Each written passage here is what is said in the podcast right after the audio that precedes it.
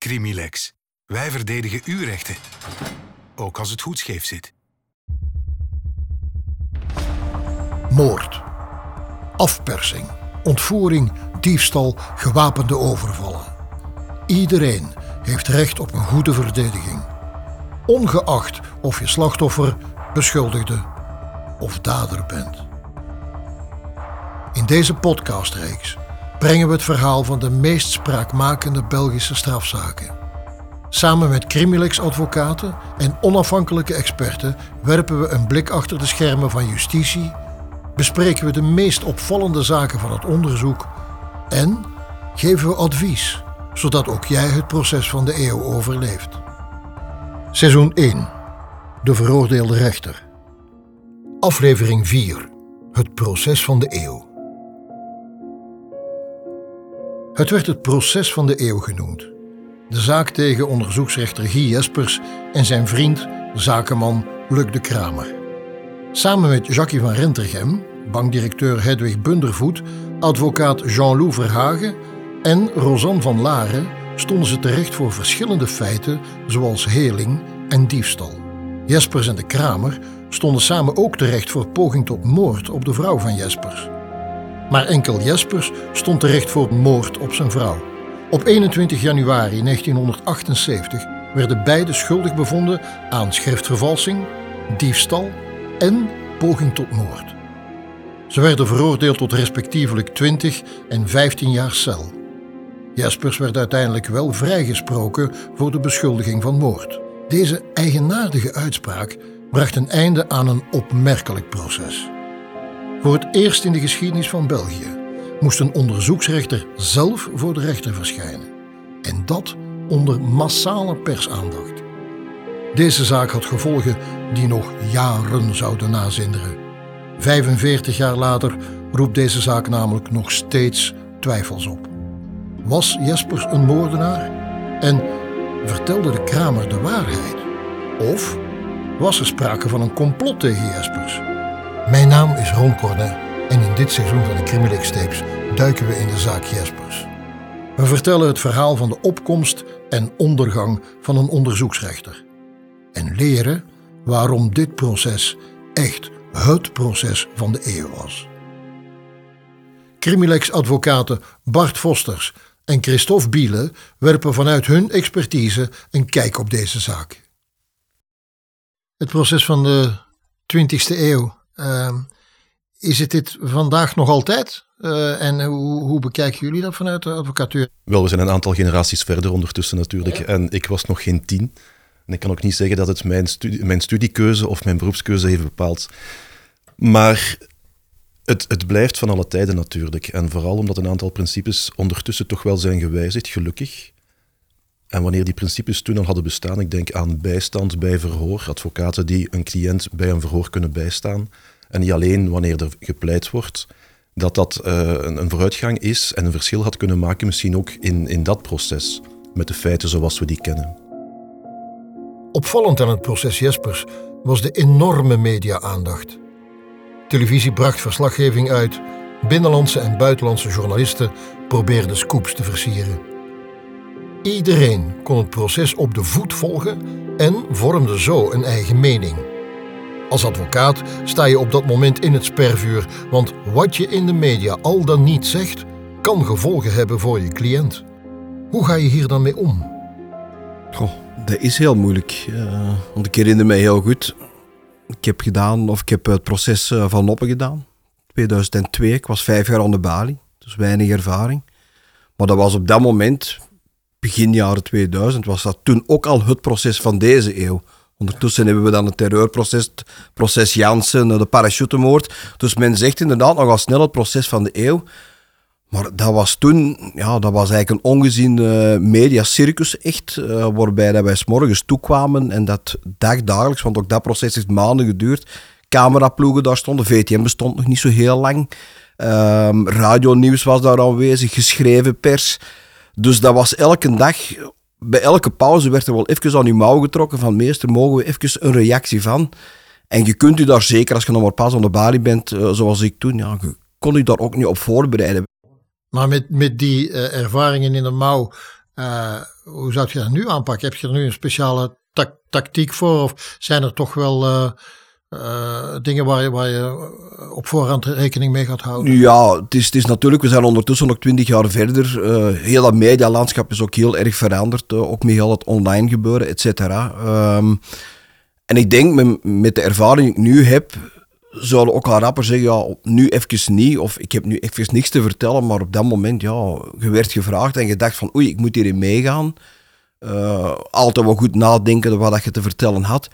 Maar dikwijls, ja, als je daar naderhand nu op terugkijkt, waren dat ook vragen ja, om de gazet vol te krijgen, bij wijze van spreken. Als je daar naderhand denkt, eigenlijk was dat onbenullig.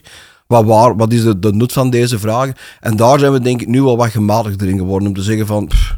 Nu even niet, want ik heb eigenlijk niks te vertellen of ik wil niks vertellen. Dus dat is wel wat veranderd, denk ik. Het is ons ook opgelegd. Hè? Dus veel advocaten proberen dan ook het proces verder te zetten en te voeren via de media. Ja. En onze overheid heeft ons, onze tuchtrechtelijke overheid, onze orde, heeft ons dat uh, eigenlijk verboden door ons op te leggen van kijk, je doet geen interviews meer met uw toga aan en je doet ook geen interviews meer in het gerechtsgebouw. Dus de tijd die we nodig hebben om, dat is een beetje kinderachtig, om naar buiten te gaan en die toga uit te doen, zou moeten volstaan om uit dat vuur van wat er in die, ja, die doos van dat gerechtsgebouw, waar we allemaal oorkleppen op hebben, waar we de werkelijkheid vergeten soms, de buitenwereld, om dat vuur even opzij te leggen, te laten doven en met meer ratio en reden en met meer afstand uh, die pers te woord te staan. Maar een, Bart, een, een, een beetje mediatraining daar rond uh, kan dan geen kwaad, denk ik. Hè zonder media kunnen we ook, of dat er nu een klein of een groot proces is, dat is gewoon part of the job. Bij elk proces met iets of wat inhoud is daar pers aanwezig. Dus is het ook logisch, denk ik, dat er vanuit de orde misschien toch wel wat aandacht aan zou gegeven worden. Nu, er wordt meer en meer aandacht aan gegeven. Maar soms, als je sommige collega's hoort, ja, dat is soms toch wel nog wel altijd wel wat tenen krullend, dat je denkt van, oei, dat misschien beter niet gezegd. Maar goed, ja, het, eh, het gebeurt heel snel. En natuurlijk, ook voor mensen die niet lang aan het is ook heel snel, of de, de verleiding is heel snel daar om te zeggen, ah, oké, goed, voor een tv is natuurlijk ook wel wat publiciteit, uh, dus dat, draait, dat speelt ook allemaal wel wat mee. Dus het is, het is een heel moeilijke oefening uh, om te maken, maar als het goed gebeurt, zie ik zelf niet echt het probleem in om, uh, om de pers te woord te staan. We hebben het over het Hof van Assise, maar er bestaat ook iets als het Hof van Publieke Opinie. Um, hoe win je dat? Hoe win je in het Hof van Publieke Opinie? En is het belangrijk? En waarom is het dan belangrijk? We hebben al wat jaren op de teller en dan wordt het misschien wel makkelijker om daarover te reflecteren. Maar het is ook actueel. In het huidige proces van de eeuw zijn de advocaten van de verdediging nogal eens uh, makkelijk aan te schieten wild. Terwijl het in mijn ogen een edel, ja, een edel beroep is om elk recht van elk individu tot aan de meet te helpen verdedigen.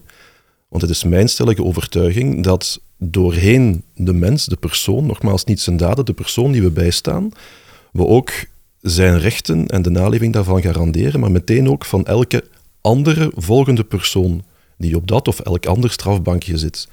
En ik moet altijd denken aan um, een van mijn favoriete openingszinnen in, in de literatuur, komt van Frans Kafka uit het proces.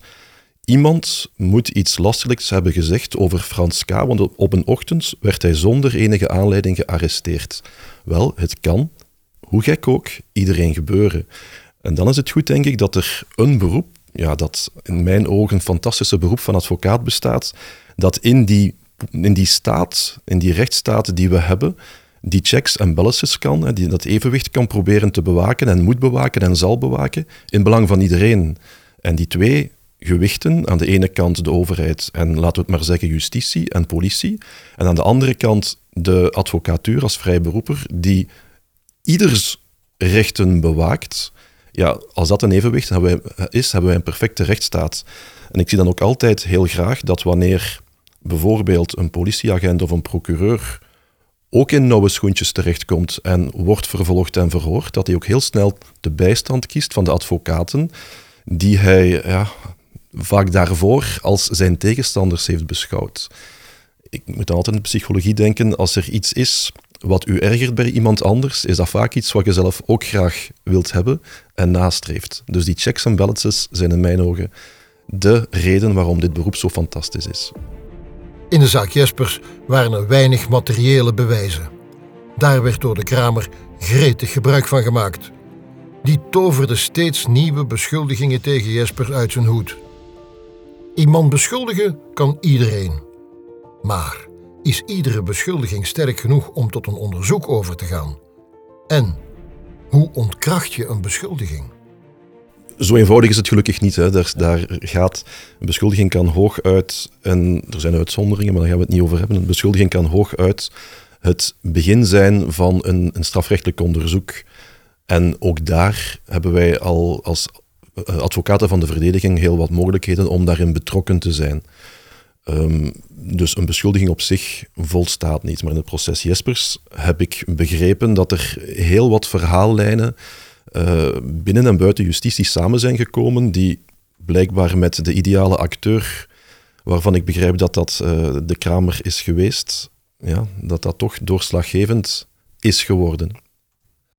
Ik denk toekoer, want de waarheid van, van een beschuldiging achterhalen is eigenlijk de oefening maken, zijn de feiten bewezen.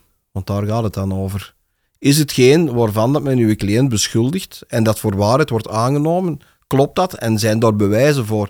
Dus je moet die oefening altijd maken. En ja, dat begint natuurlijk bij, bij studie van het strafdossier en ook bij in eerste instantie de verklaring van uw cliënt. Want als er uh, bepaalde elementen op tafel liggen, die men dan aanhaalt om te zeggen: kijk, meneer, dat zijn onze argumenten om u ervan te, over of om u ervan te beschuldigen om dergelijke feiten te gepleegd te hebben. Ja, dan gaat het daar een antwoord. Dan kan uw cliënt wel zeggen: ik heb dat niet gedaan. Ja, goed, dat zal dan zo wel zijn, maar hoe gaan we op die heikele punten, hoe gaan we daarop antwoorden? Is er eventueel een alternatief scenario? Hoewel dat wij niet onze onschuld moeten aantonen, want eh, het is nog altijd zo dat het Openbaar Ministerie de schuld moet bewijzen.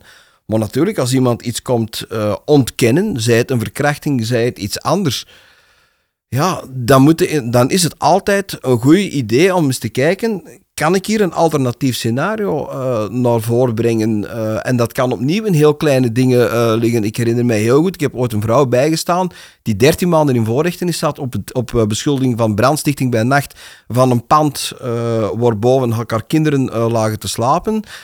men zegt, ja mevrouw, maar je had een motief, want dat was een broodjesbar dat zij van onder op de gelijkvloers uitbaten. Ehm, dat ging financieel niet goed. Dus men zegt, er is hier een financieel motief, je wilt de verzekering oplichten, etc.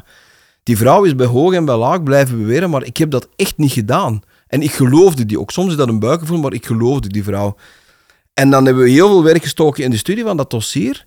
En als ik dan zeg, het hangt dikwijls van details af, ja, dan bleek inderdaad dat die vrouw ook in een echtscheidingsprocedure of in een moeilijke relatie verwikkeld was met haar ex-man. En een van de argumenten die dat naar voren is gebracht door ons en waarvan dat de rechtbank het uiteindelijk heeft aangenomen als mogelijk alternatief scenario, iets heel stom op het eerste zicht en soms lezen daar misschien over, maar wat blijkt, op een gegeven moment komt er een proces verbaal waarbij dat de politiediensten schrijven, wij gaan uh, meneer X, dat is dan de, de ex-man, uh, verwittigen dat er een brand uh, is geweest waar dat de kinderen boven lagen te slapen, die waren ongedeerd. Wij bellen aan om 4 uur 30 s'nachts en meneer doet open in burgerkledij. Ja, dan denk ik direct, dan heb ik de reflex, maar waarom doe je om half vijf s'nachts de deur open in burgerkledij als er gebeld wordt? En dus dan heb je denk ik de, de taak als advocaat om te zeggen aan de rechtbank, maar dat is toch merkwaardig.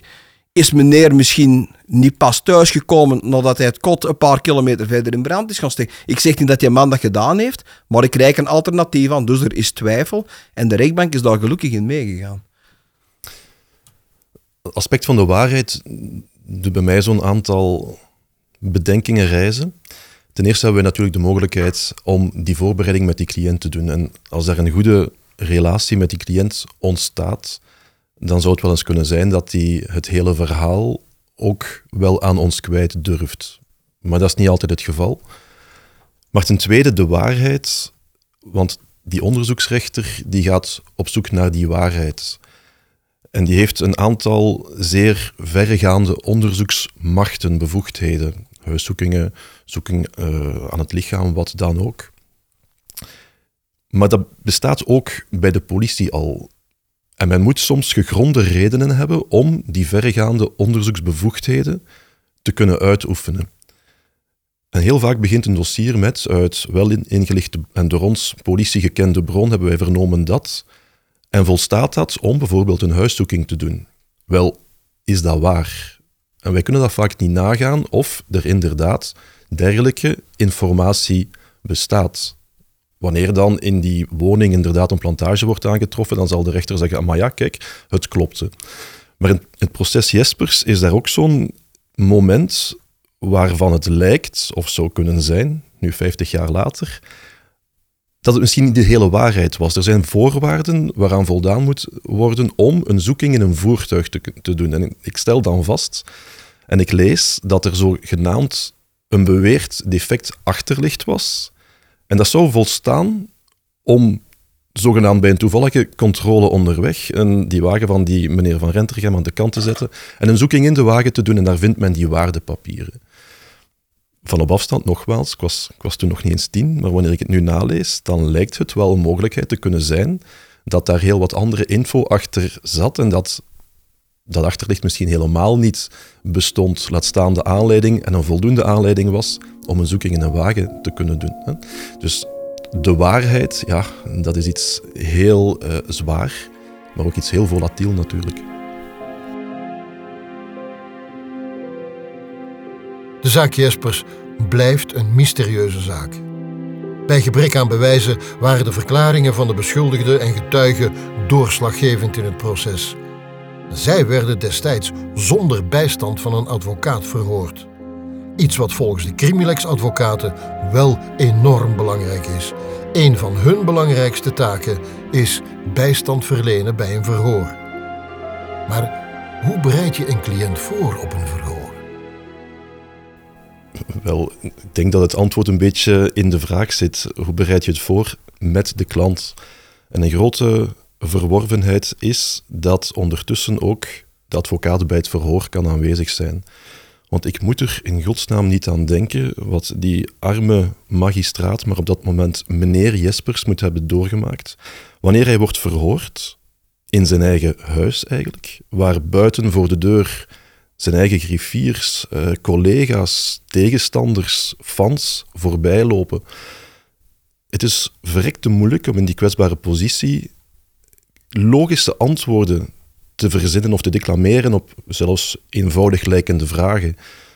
Ik denk dat het brein en de emotie het zo ver overneemt dat het lichaam dingen doet uh, en, en u dingen laat zeggen die eigenlijk misschien, en niet, niet misschien, zeker achteraf uit een verband zullen worden gerukt.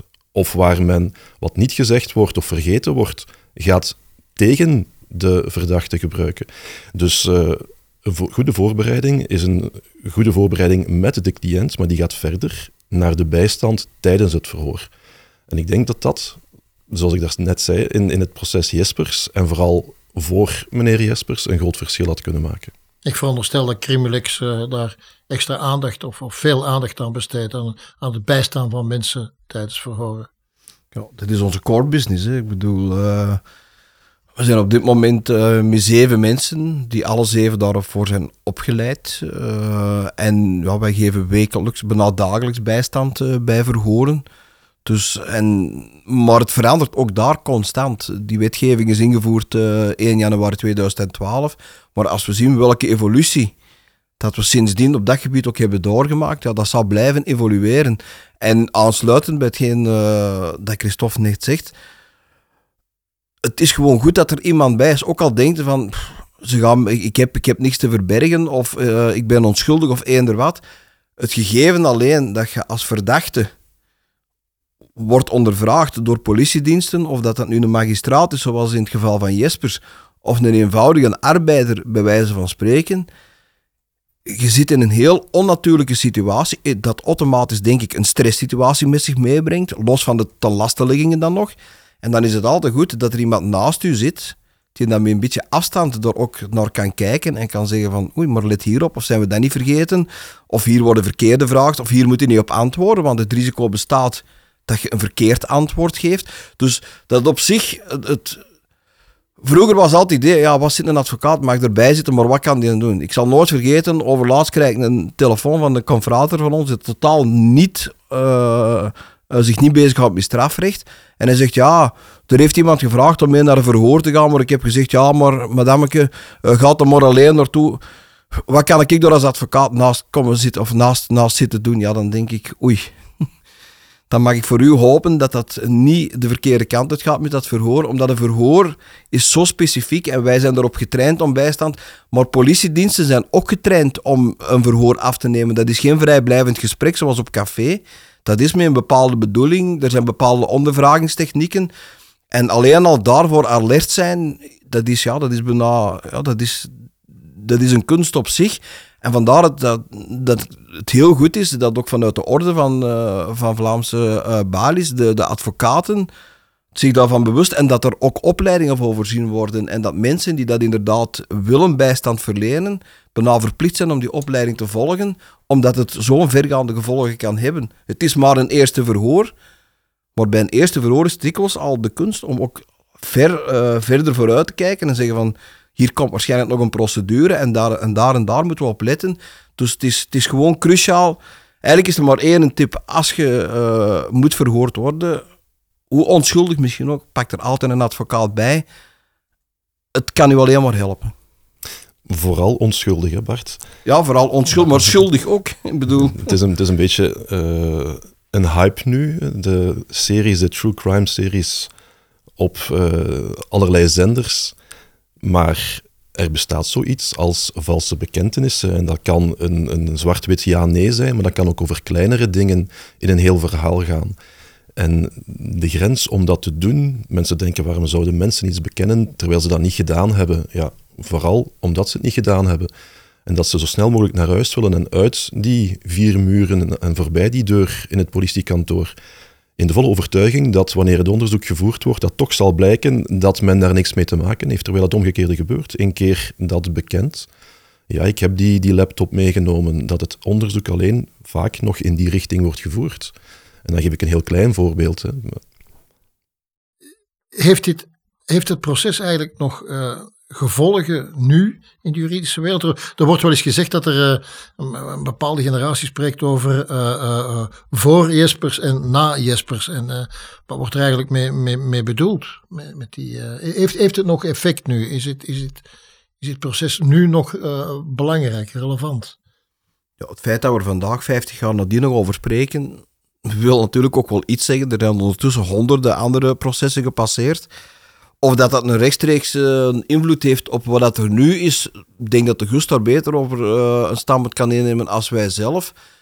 Maar natuurlijk, het feit wat dat al is aangehaald, dat het zo gemediatiseerd was en dat het misschien op dat moment wel het eerste proces was dat de opening heeft gemaakt naar een groot publiek, ook via tv, et cetera. En er meer bewustwording is gekomen over dat type dossiers, dat heeft misschien wel een rechtstreeks een impact. Juridisch, dat durf ik zo niet zeggen, want eigenlijk is de procedure tot op de dag is verfijnd. Er is gelukkig, en dat is wel veranderd, maar dat is niet door het proces Jespers, de motiveringsplicht bijgekomen. Vroeger was men schuldig of onschuldig. En wat dat de redenen waren, daar konden dan maar naar raden uh, als, als verdachte of als veroordeelde op dat moment. Dus er zijn wel wat dingen gebeurd. Een ander ding waar ik onmiddellijk aan denk, vroeger een getuige, uh, of het zij, of dat het nu een familielid was, of een politieman, of een onderzoeksrechter, of eender wie, het was verboden bij wet om papieren of andere stukken. Dus dat moest allemaal gedebiteerd worden uit het hoofd, mondeling. Dat is ook allemaal veranderd. Het gevolg, en dat is dan weer een kwalijk gevolg, denk ik.